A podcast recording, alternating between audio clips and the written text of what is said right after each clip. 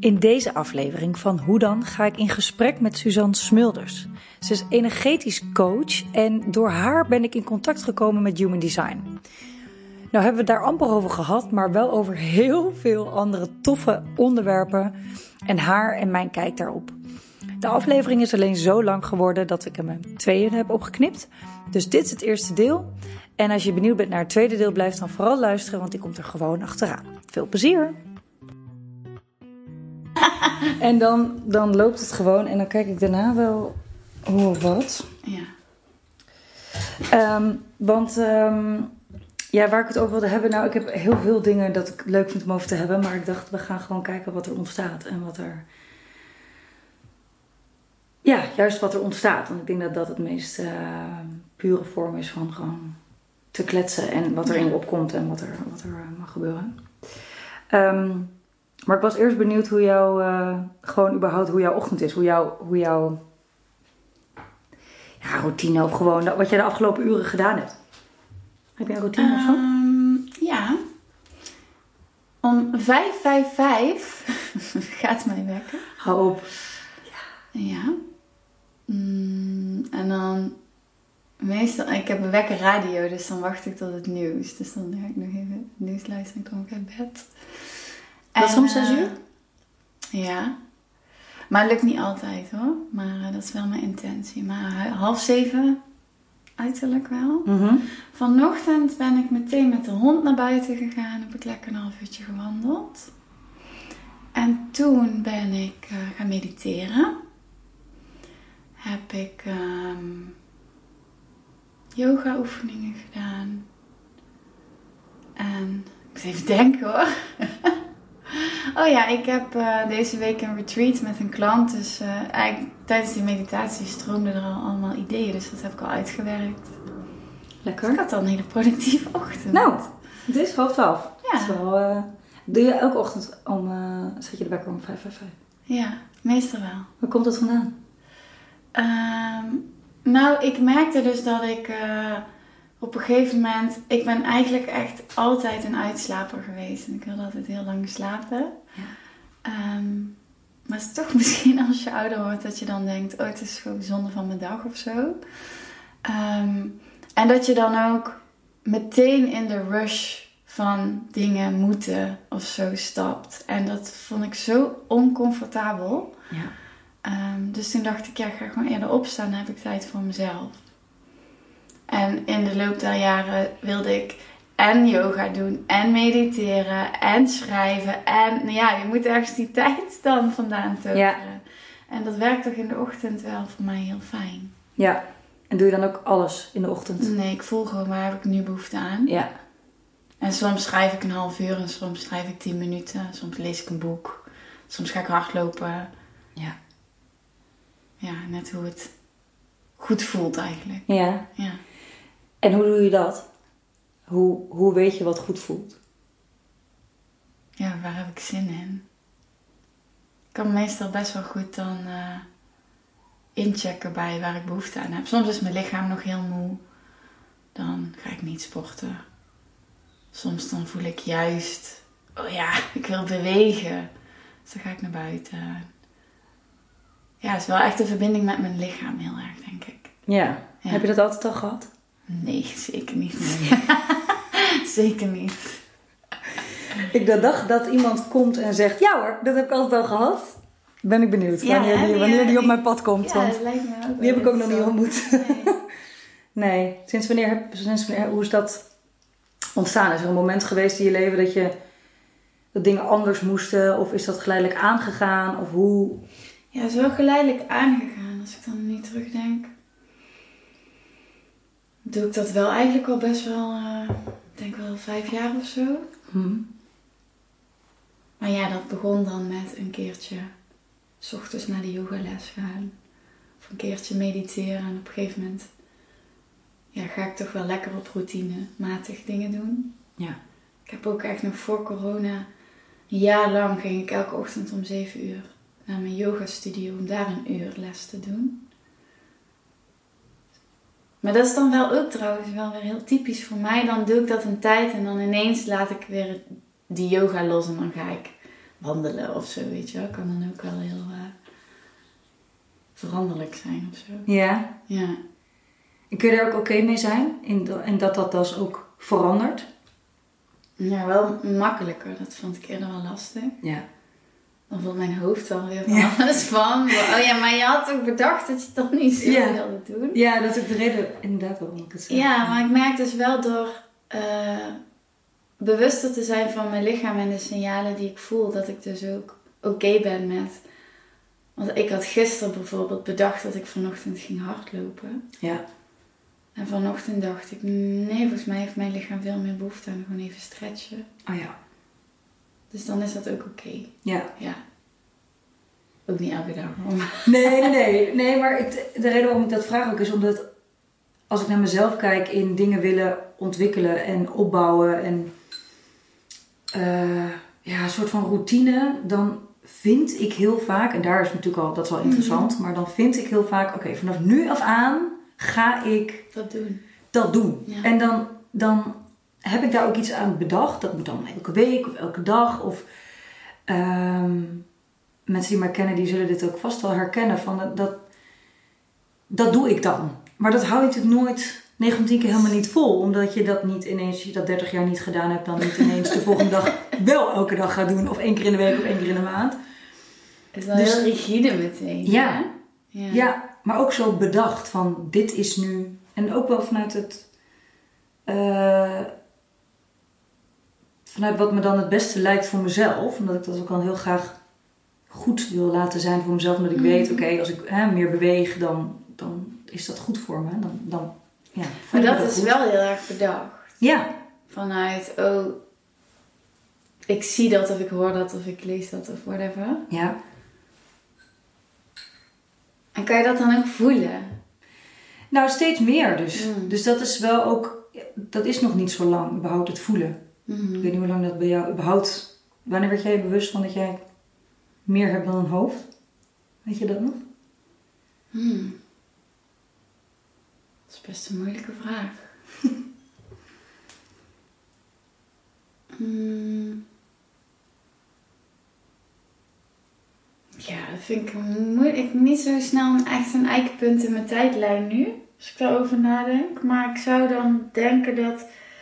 Ik heb na mijn studie... Toen was ik... eh, Hoe oud was ik toen? 26 of zo, toen heb ik eh, een burn-out gehad. En ik denk dat daar wel een kantelpunt is. Dat ik, ja, mijn lichaam liet mij wel voelen Ja. dat het niet meer ging. Ja. Dus daar, daar is wel die switch naar veel bewuster gaan leven. Met hele kleine stapjes toen. Maar Ja. ja. En heb je dan die... In principe zou je zeggen dat je dus de signalen van je lijf daarvoor niet herkende of genegeerd hebt of niet ja. naar wilde luisteren Niet of serieus iets. genomen in Ja. ieder geval. Ja. Ja, ik heb wel echt al heel lang gewoon op wilskracht en op eh, doorzetten. Dat is ook wel een beetje hoe ik ben grootgebracht. Ja. Ja, heel herkenbaar. Schouders eronder. Ja, niet opgeven, je best doen, Ja. hard werken. Ja. Dat zit er wel in, ja. Ja, vooral niet stilzitten ook. Ja. En toen, toen je dus na die burn-out anders, dingen anders ging doen, wat ging je dan vooral anders doen? Weet je dat nog? Mm. Ik denk vooral ehm, beginnen weer met dingen die ik leuk vond. En überhaupt onderzoeken wat vond ik dan leuk. Mm. Eh, is lang geleden al, hè? Even terug. Even vergraven. Ehm, ja, ik denk dat daar wel het begonnen is om meer tijd voor mezelf ook te maken. En eh, wat zachter naar mezelf. Ja. Ik ben, als ik dan nu terugdenk aan mijn studieperiode, ik heb amfi gedaan. Nou ja, het is gewoon best wel een pittige opleiding, maar als ik minder dan een 8 had voor een project, dan ja, was het gewoon falen. Ja. Ik was wel echt een strevertje en eh, moest wel altijd beter. Ja. Dus ik was heel streng voor mezelf ook altijd. Ja. Echt nachten, weekenden Oh, ja, doorwerken. vreselijk, en dat, ook. ja, dat was daar een beetje die cultuur ook wel. Ja. Maar, Het zit ook wel een beetje in de opleiding. ja, Maar ja, dat, eh, dat perfectionisme, dat eh, is daar wel een beetje te extreem geweest. ja. Waardoor ik ja, mezelf echt wel heb afgemat. Ja. En als ik terugkijk, want ik heb dezelfde opleiding gedaan, realiseerde me ik dat pas echt, echt wel een paar jaar later pas. Dat ik dacht, huh, hoe, hoe heb ik dat eigenlijk gedaan? Als in, ik ging gewoon en dat was gewoon een plan en ik had geen plan B. Ik wilde gewoon amfi doen. Punt. Punt. Ja, ja ik snap Linksom, rechtsom, boven, onder. En nou ben ik ook heel blij aan de ene kant. Want ik denk dat ja, leren werken, ergens voor gaan, een doel zetten, daar je voor inzetten. Ik denk dat dat, dat super belangrijk is, super waardevol. Maar daar mist, daar miste gewoon een hele kant aan. En, en wie ben jij dan? En wat vind jij dan belangrijk? En Ja. ja, en, Ja, we gingen compleet aan voorbij, hè? ja. Ja. Ja, dat herken ik wel. nou in mijn geval wist ik niet eens dat het bestond. Ja. Dus daar kwam ik überhaupt daarna pas achter van het hele. Dat ik ook iets anders mag vinden. En, en niet zozeer in mening, maar gewoon het hele dat ik gewoon een ander persoon ben dan elke student. Of elke Ja. vriend of vriendin of collega. Of dat dat anders is. Maar dat ik pas een paar jaar later terugkeek dat ik dacht, hé, hoe. Hoe. Ja, met een soort van bewondering ook wel, maar ook een beetje een soort van vraagtekens van hoe heb ik dat dan alleen maar met mijn hoofd, alleen maar met denken, alleen maar Mm. echt die mannelijke energie, dat pushen, dat doorzetten gedaan. Hoe, ja. Hoe ben jij eruit gekomen dan, na Amfi? Nou, ik denk bijna een beetje een soort van wazig. Van, ik, ik heb dit gedaan, oké, en nu? Een soort van, eh, ja, vind ik denk ik sowieso... is dat voor heel veel studenten een soort van zwart gat waar je in komt van... oké, nu moet je zelf Ja. je eigen boontjes doppen, je moet zelf... eh, eh, ja, je duo valt weg. Er zijn heel veel dingen die ineens soort van anders zijn, maar best wel grote impact hebben. En toen ben ik, ja, ik heb gewoon ergens bedacht, ik moest de productontwikkeling in, productie in, want ik deed management. Dus, dus dat ging ik doen. Dus daar ging ik een baan voor zoeken. Dus het was letterlijk op eh, Fashion United kijken en Gewoon googlen, solliciteren en gewoon eh, ja, aan de bak. Ja, het is heel gek eigenlijk dat je dan zo gewoon dat pad volgt wat je ooit hebt bedacht. Ja, of bedacht. Ooit hebt, hè, voordat je daar dan eh, op die opleiding zit, dan, dan is dat een keuze en dan kom je daar helemaal niet meer op terug of zo. Nee. Het is heel gek hoe dat werkt. Ja. Ja, totdat, nou ja, in zoverre kwam ik erop terug nadat ik eh, weer ging switchen naar een ander eh, hoofdkantoor. En toen ik daar zat, ik had altijd heel erg last van eczeem. En dat is gewoon een, een ding geweest. Ik heb dat punt. Dat was Mhm. gewoon, eh, nou, je, het wordt je ook niet anders verteld. Eh, je komt er amper soort van vanaf. Dat is, en je hebt gewoon hormoonzalf nodig. En nou, zo. Ja. Ehm, totdat ik ergens dus along the way dus wel met dat gevoel in, in aanraking kwam met... hé, hey, ik heb er gebeurt eigenlijk nog in de rest van mijn lijf heel veel waar ik nooit... Ja, ik denk onbewust merk je het wel. Maar hoe zorg je ervoor dat je dat herkent? Als niemand je dat vertelt van...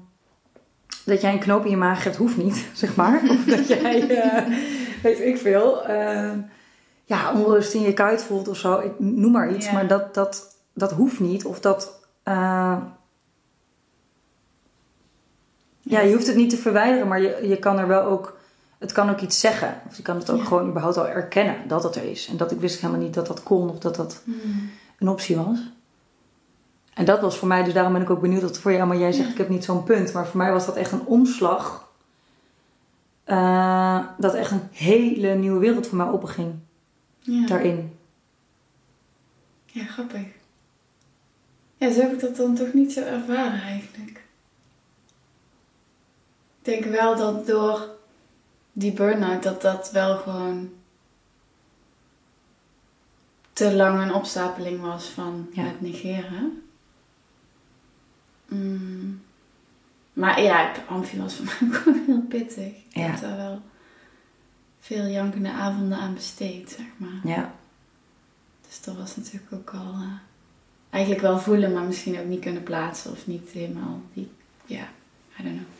Nee, en, en als ik terugkijk, dan is de opleiding ook, en het is niet alleen amfi, ik denk ook het creatieve stuk is heel erg subjectief. Dus het is niet is 1 en 1 is moeilijk, 2. ja. Dus weet je wel, verschillende docenten vonden ook verschillende dingen van je projecten. En ja, prestatiedruk, überhaupt de modewereld is sowieso een complexe. Het is een hele mooie wereld, maar het is ook een hele complexe wereld, vind ik.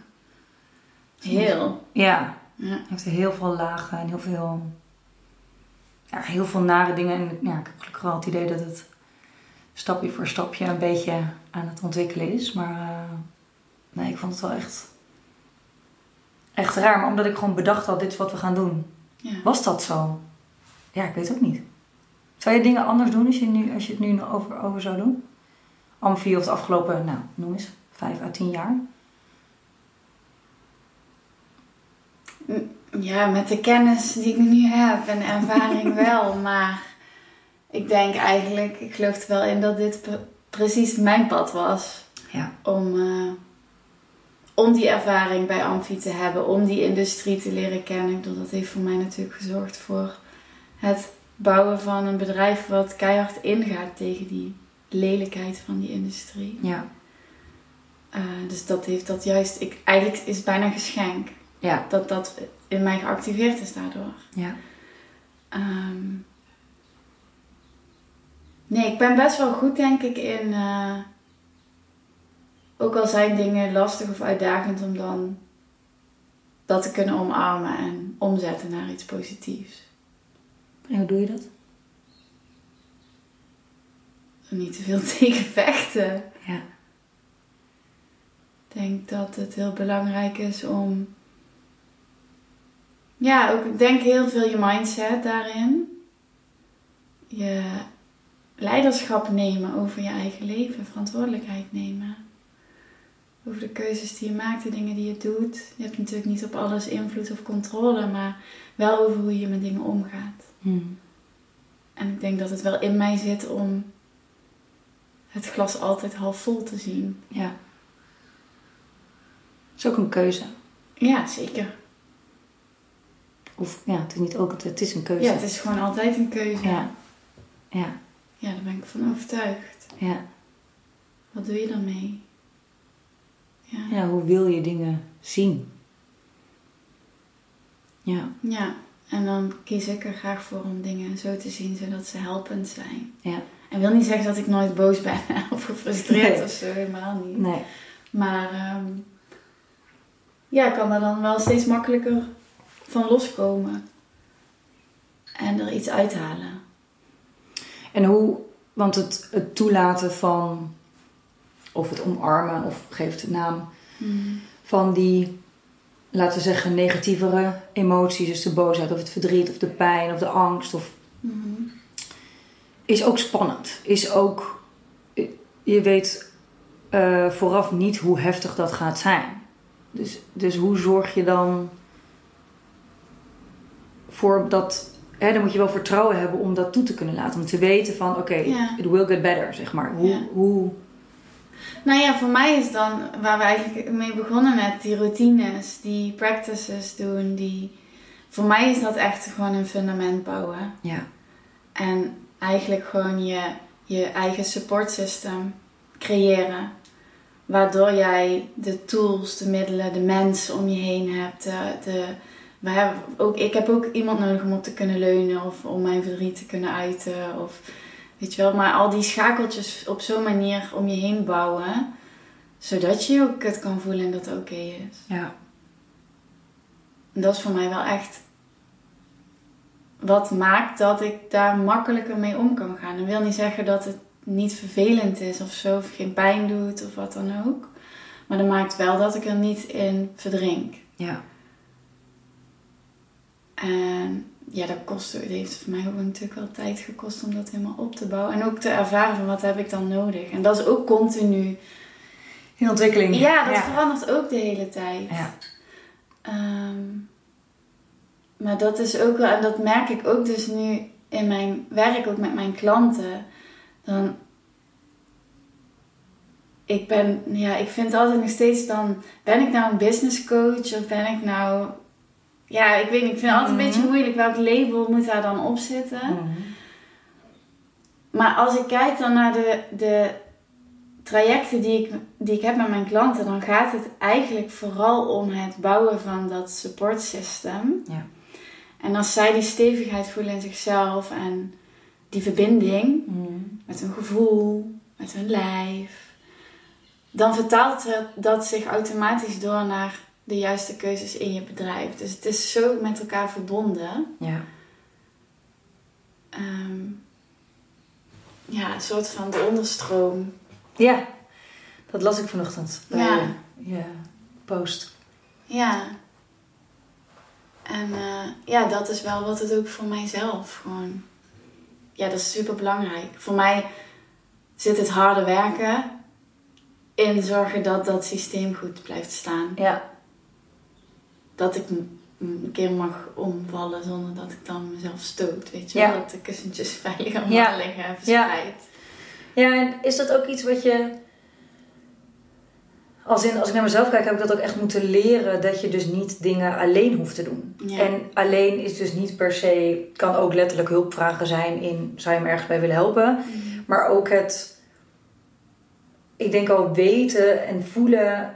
ehm, dat die mensen of die personen of die systemen er zijn, zeg Ja. maar. Dus dat het een andere manier is van. Het is beter als ik het alleen doe. Het is beter als ik. Hè, Ja. ja, als individu dit allemaal, die kar trek en mijn eigen leventje bouw. En dat dat soort van beter is. Terwijl ik denk, er zit zoveel waarde en zoveel...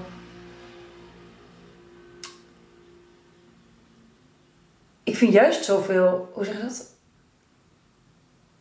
Mm, ja, waarde, maar een soort van, ik ben juist onder de indruk van mensen die heel goed hulp kunnen vragen.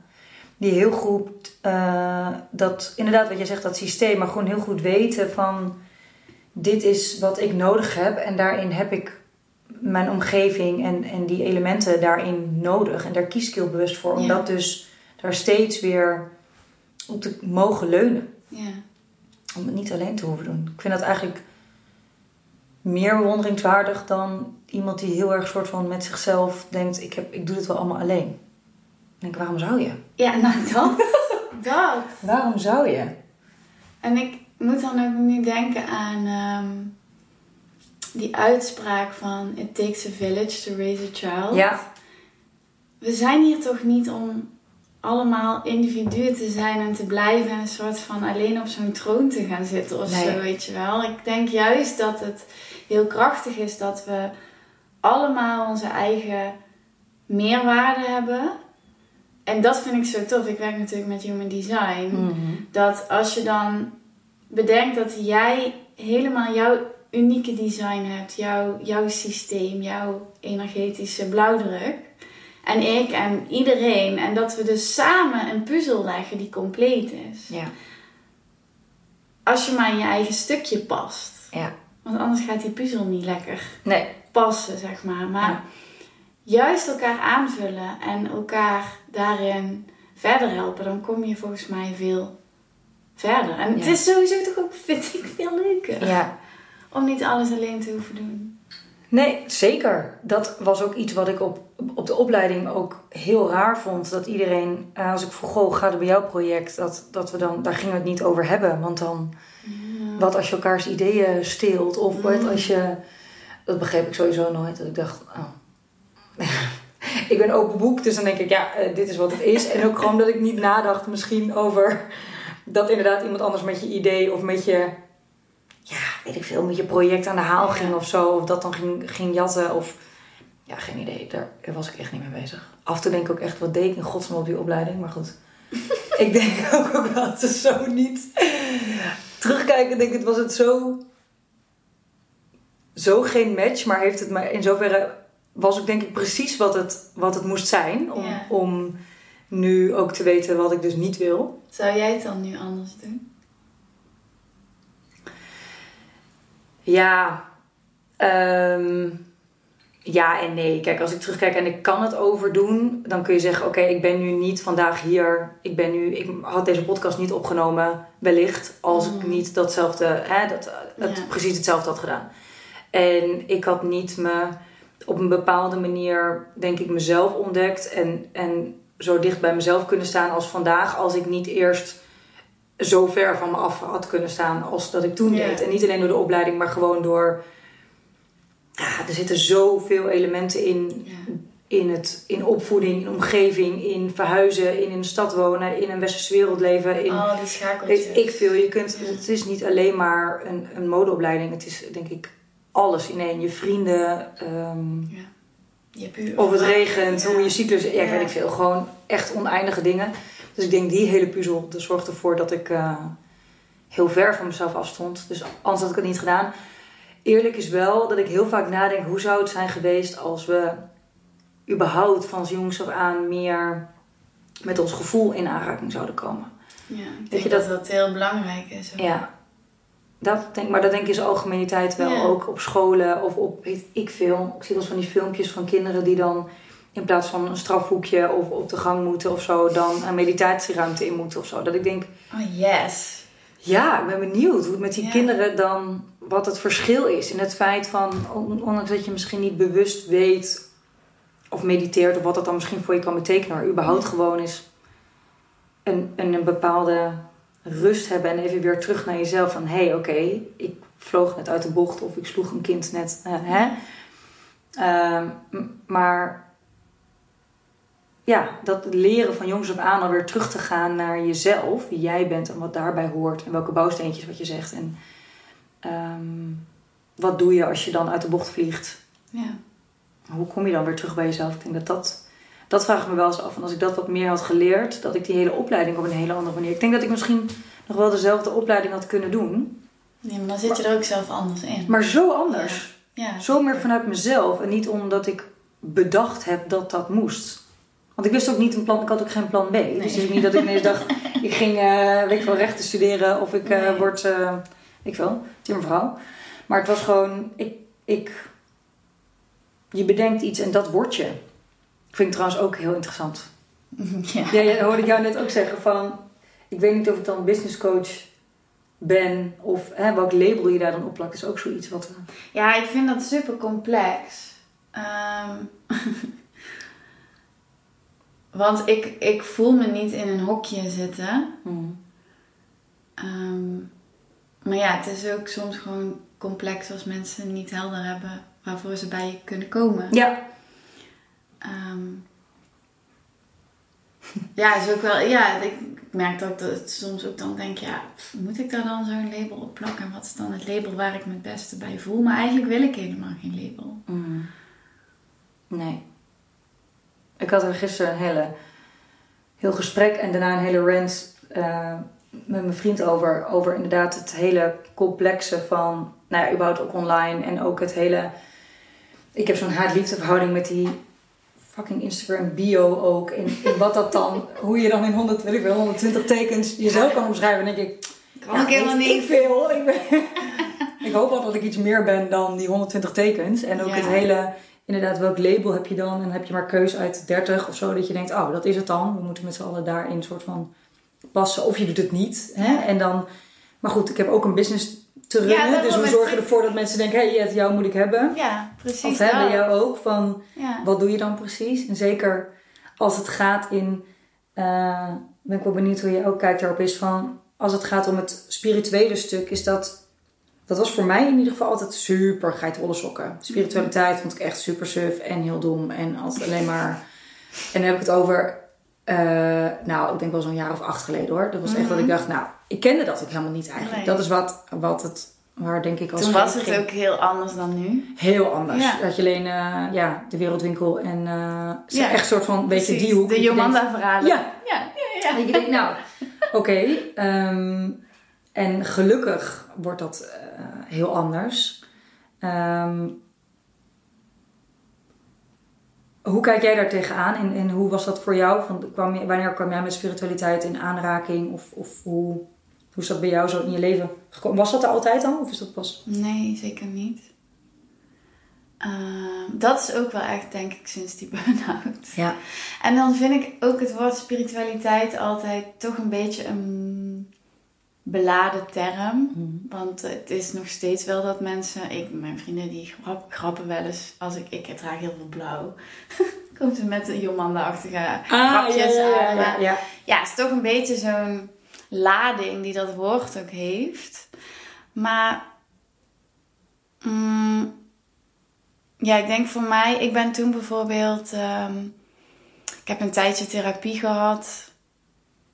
eh, toen ik die burn-out had en toen ben ik dus hypnotherapie gaan doen. Dat was voor mij eigenlijk een- mijn eerste soort van ervaring die iets minder het cognitieve, zeg maar, eh, de ratio aanging. En dat was, dat, nou, dat was echt super bijzonder, heeft me onwijs geholpen. Ja. Ehm, maar ja, het, het spirituele, ik, eigenlijk zou ik het liever willen omschrijven bij, nu als je persoonlijke ontwikkeling. Ja. Gewoon je, ja, je intuïtie, je, je, je compleetheid. Ik zie het ook als, voor mij gaat het echt heel erg over, je mind is daar onderdeel van, maar ook je lichaam en je emoties en ja, je energie. En weet je wel, dat gaat gewoon in heel veel lagen. Ehm, en die communicatie daartussen allemaal. Ja. En daar ruimte aan geven en durven te voelen wat daar dan allemaal speelt. En dat ook weer vertalen naar het dagelijks leven. Eh, ik denk dat juist die dynamiek tussen die lagen. Ik bedoel, je, hebt, ja, je kan ook de hele dag op een meditatiekussen gaan zitten. Maar ja, ik geloof wel dat we hier zijn om gewoon het leven te ervaren. Ja. Maar dat wil je dan op een hele bewuste manier doen. Ja. Dus misschien is bewustzijn dan ook wel een mooi woord Ja. Om, eh, om daaraan te koppelen. Mhm. Ehm, ja, ik denk dat iedereen daar ook wel zijn eigen invulling aan geeft. Ja, ik ben wel benieuwd wat spiritualiteit voor jou betekent. Ja, ik denk, ik denk het woord spiritueel. Ik heb gewoon een beetje. Ook een beetje haat-liefde verhouding met alle termen die je zo. Dat is ook de reden waarom ik deze podcast ben begonnen. Is. het- er worden zoveel termen om je oren gegooid. En dat ik denk. Ik geloof, ik wil niet zeggen ik geloof alles, maar ik kan me overal wel in vinden of, Ja. of een idee bij hebben. Of dat ik denk, nou, zou ik wel willen proberen. Of, maar het, het hele het slaat soms voor mij zo de plank mis in. Dat er een beetje in doordraven alsof het dus lijkt. ehm, en dat is, ook, dat is ook gelijk het online, vind ik. Alsof het lijkt alsof inderdaad iedereen de hele dag op een meditatiekussen zit. die met spiritualiteit bezig is. Of, en dat ik denk, maar hoe run je dan je business? Ja. Of, je, of weet ik veel, hoe heb je dan een gewoon- relatie? Of ja, hoe doe je gewoon de boodschappen? hypotheek betalen. Ja, wanneer, Ja. eh, hoe werkt dat dan? En alsof dat, dus toen ik daarmee in aanraking kwam, dat kwam door mijn ehm haptotherapeut die mij vroeg hoe ik me ergens over voelde. Hmm. Hoe ik me überhaupt voelde op dat moment. En ik gaf antwoord met mijn hoofd van ik denk dat. En zij vroeg mij, stelde mij gewoon die vraag honderd keer. En ik snapte gewoon niet wat ze bedoelde. Want ik dacht, ik geef antwoord op je vraag. Dus wat, Mhm. weet je, word je een beetje geïrriteerd van... Wat snap je hier nou niet Wat snap, wat snap je hier niet aan? Nou, en zo heb ik dat geleerd, geoefend. Doordat zij mij daar echt mee kennis heeft leren maken. Dat ik dacht, ehm, maar wat heb ik dan de afgelopen 28 jaar gedaan? Als Ja. dit dus daar geen onderdeel van was. Ik kende dat helemaal niet. Mm. Dus ook om me heen letterlijk aan iedereen gevraagd: hoe, hoe doen mensen dat dan? En hoe doe jij dat dan? En wist, wist jij dit? Wist jij ook dat jij gevoel had? Echt zo van: ben ik crazy of weten? En ik ben er wel achter gekomen dat heel veel mensen dat niet weten, niet, niet, niet goed kunnen voelen, niet bij zichzelf kunnen, ja, noem het intappen, checken, eh, I don't care, maar gewoon het hele, het, hoe voel je je, wordt, als je die vraag aan iemand stelt, is wel, dat vind ik altijd wel een mooie vraag, dat mensen dan zeggen, ik, eh, eh, ja, ik voel me afgewezen of ik voel me, en als je daar dan over doorgaat, en hoe voelt dat dan, dan lopen mensen best wel vaak vast. En ik begrijp dat heel erg. Maar doordat ik dan ineens dacht: wow, maar hier zit een hele nieuwe wereld. Ging ik daar veel meer mee. Ja, ik ging, denk ik, zoals heel veel anderen. helemaal onderdompelen in cursussen, boeken, uh, podcast. Ik heb alleen maar informatie tot me genomen, tot echt tot een, een treuren toe. Ik las nooit, ik deed nooit, ik luisterde nooit podcast, maar alleen maar zelfhulp, zelfontwikkeling, boeken. Opzuigen. Echt als een spons dat ik dacht, waarom wist ik die niet eerder? Een soort van 28 jaar in een half jaar gepropt ongeveer, denk ik, naar info. dat ik dacht, dit moet ik nu een soort van schade inhalen. Zo voelt het misschien ook wel een beetje. Mm. Maar ik denk dat ik er ook een beetje in doorsloeg in het... Ja, dat ik op een soort van punt kwam dat ik dacht, oh ja, dit is niet meer van mij. Dit is niet meer, of tenminste niet van mij, maar dit, dit past niet bij mij. Dit is... Um, ja, een beetje te, het voelt dat een beetje te hoog gegrepen, maar dat is denk ik niet het juiste woord. Maar wel een beetje dat ik dacht, nee, dit is niet meer. Ja, nee, het is niet mijn. Niet. Nee, nee, dit is niet dat ik denk, oh nee, misschien in ieder geval nu niet. Um, dus toen moest ik weer een beetje terug, zo voelde het naar, hé, hey, waar zit nou die balans tussen. we manifesteren ons helemaal suf uh, online mhm. en we, we mediteren en journalen en online en uh, nou, weet ik veel. Um, we doen bijna niks anders. En daar, daar was bij mij op een gegeven moment ook een beetje de vraag van... hé, maar wat is dan het verschil tussen die... voor je gevoel ene kant... heel erg de... zo wordt het soms een beetje ge, neergezet van er is een ene kant... namelijk je heel, dat je heel bewust bent en heel erg open staat... en heel erg, uh, nou ja, alles met energie en manifestaties en intenties... en nou ja, dat stuk. En aan de andere kant de... Uh, zoals ik mij voelde, denk ik, de eerste 28 jaar, de schouders eronder, oogkleppen op en gewoon beuken tot je omvalt, zeg maar. En dan weer opstaan en weer door, zeg maar. Een beetje dat, dat gevoel. Dus ik ben een beetje op zoek naar wat, wat die twee. Ik denk namelijk dat, dat, dat het hetzelfde is. Uh, dat spiritualiteit en dat hele. Nou, misschien een beetje die mannelijke kant, dat, de mannelijke energiekant, bedoel ik, moet ik daarmee zeggen ja, dat het veel meer kleine momentjes zijn die elkaar opvolgen. En niet zozeer, we mogen helemaal niet meer. Ja, het is gewoon en-en. Ja, het is niet of-of. Nee. Het is heel erg van, nou, we gaan nu met z'n allen dan alleen maar op een yogamat zitten. Dat ik denk, nou, ja, als je daarmee inderdaad je hypotheek kan betalen, doe. Go for it. Doe, maar leer me dat dan ook. Dan denk ik dan, hoe dan? Dat wil ik dan ook wel leren, snap je? Ja, dus dat is meer van, hoe, hoe doen mensen dat? Dus dat, eh, dat ja, dat onderzoek vind ik dus heel. Ja, het is ook wel, denk ik, interessant als ik dan naar mezelf kijk, ook in dat pad. Dat het gaat ook in de golfbewegingen. Dus wat jij dan hebt gedaan, dan ga je helemaal erin storten en alles consumeren en weten en begrijpen. En ja. het, dat.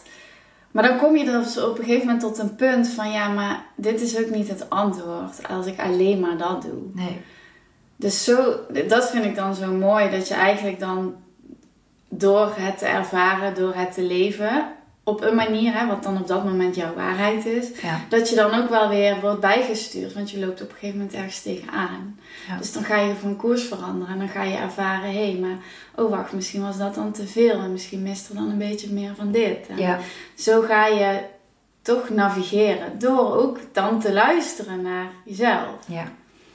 En ik geloof ook wel dat we daarin op andere momenten andere behoeftes hebben. Ja. Ik bedoel, als je alleen al kijkt naar uh, de winter en de zomer, dan voel je al dat je gewoon andere behoeftes hebt. Ja. ja. de zomer is veel meer naar buiten, veel meer outgoing, veel meer verbinden. Terwijl in de winter wil je misschien gewoon lekker onder een warm dekentje met een goede kop thee op de bank zitten. Ja. ja. Dus dat mag ook veranderen. En dat is ook altijd in beweging. Ja, ja zeker. En wat is dan voor jou de invloed geweest van online? Dus het hele nou, social media, de platforms die we kennen, in hoe dat dan langzaam aan. Ja. Uh, ik denk de generatie van nu weet niet beter. Als ik naar mijn neefjes kijk, die, uh, die weten soms beter hoe ze met hun telefoon om moeten gaan dan ik, bij wijze van. Ja.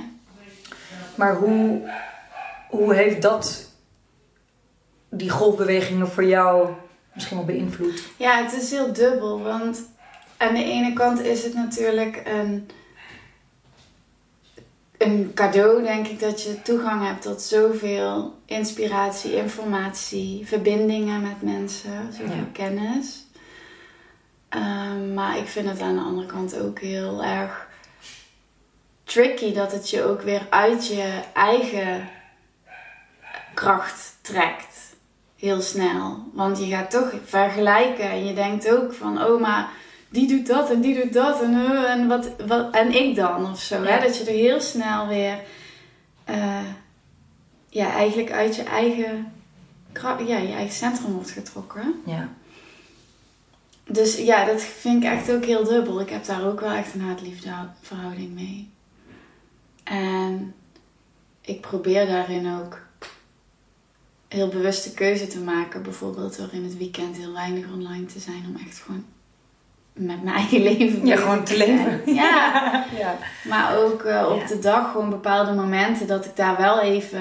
Hè, want het is voor mijn werk ook gewoon heel waardevol. Ja. Maar ga niet de hele dag zitten scrollen. Nee. En, en als jij merkt van... Um, de momenten dat je veel aan het vergelijken bent... of dat je denkt wat je net zei, hè, van ja. ja en ik dan... Wat doe je als je, als je dat opmerkt? Uh, mensen muten. Mm ontvolgen. Ja. En dat gaat een beetje twee. Ik had er gisteren met een vriendinnetje over. Sommige mensen vind ik gewoon irritant worden ja. op een gegeven moment. Die, die, dat ik denk, ja, ik heb, voel geen connectie meer. Dus Nee. die gooi ik er dan uit. Maar soms zijn het mensen die ik heel inspirerend vind. Dat ik die ook mute. Omdat ik dan merk dat ik te makkelijk in die taal ook ga praten. Of dat ik dan een soort van. Ja, ik weet niet, op de een of andere manier ga ik toch dingen adopteren. En dan Ja. denk ik, oh wacht, maar ik wil wel bij mezelf blijven. Dus dan ga ik ook even die persoon uit mijn, Mhm. uit mijn blikveld schrappen. Want ik ben, ja, ik wil ook niks gaan kopiëren of zo, Nee. weet je wel. Ik, ja, ik weet niet, ik merk dat ik toch best wel dan beïnvloedbaar ben of Ja. zo. Juist op een positieve manier, maar... eh, Ja, maar ook die inspiratie die je van iemand haalt... waar je die een paar stappen misschien verder is... in welke, Ja. welke vorm dan ook. Dat je ja. denkt, oh, en dat kan natuurlijk alsnog... ook een positieve manier effect hebben. ja, maar dat, je dan, dat ik dan soms... maar dat ook niet wil. Ja, dan denk ik, oké, zijn dit nou haar woorden of zijn het mijn woorden? Ja. Weet je wel, zo dat. Ja, Ehm, ja. dus daar probeer ik wel bewust van te zijn dat ik mezelf dus eh, soms gewoon even niet meer blootstel aan die prikkels. Nee. nee. Ik kan ook echt wel soms echt een beetje gek worden daarvan. Ja, Van al die opties en wat dan slim is. Of wat dan, weet je wel, wat moet ik dan, Mhm. wat heb ik dan te doen, zeg maar. Ja. Van hoe zorg je er inderdaad weer dat je terugkomt naar jezelf. En dan heb ik altijd wel, ik stel mezelf altijd de vraag, wie wil ik zijn en wat doet zij? ja, Ehm, omdat ik, dat geeft me het snelst een antwoord op, oké, ik wil een persoon zijn dat als ik ehm, op mijn sterfbed lig en terugkijk, dat ik dan niet de persoon, wat noem ik dan? Weet je Ja. wel? Als ik dan terugkijk en ik ben eh 100 en ik kijk terug en, en iemand vraagt, goh, wat waren de, de hoogtepunten van je leven of zo? Ja, dat zijn denk ik niet de momenten dat ik 8,5 uur per dag op mijn telefoon heb zitten scrollen. Dat zijn niet de momenten die ik heb onthouden. Of dat zijn niet de momenten dat ik. Maar ook niet 8 uur op een. Denk ik over het algemeen. eh, per dag op een meditatiekussen heb gezeten. Nee, dat geloof ik ook niet. niet. Weet je wel? Dus ik denk dat het. Het, het leven. vol ervaren. Ja, Ja, ja, daar Ja. vol ingaan. En dus ook. Maar ook durven. eh, echt durven kiezen voor wat jij doet, ondanks dat dat dus afwijkt van wat misschien wel de mensen om je heen doen. En dat, hoeft, dat kan in hele kleine dingen zitten, maar Ja. wel het. ehm, dat ik op een gegeven moment merkte, doordat ik met spiritualiteit in aanraking kwam, dat, dat het ineens was het woord flow was, was een ding. Nou, je kon echt Instagram nog niet openen of alles moest alleen nog maar vanuit flow. Dat ik op een gegeven moment dacht, maar hè, je moet toch ook gewoon Dit was deel 1 van mijn gesprek met Suzanne.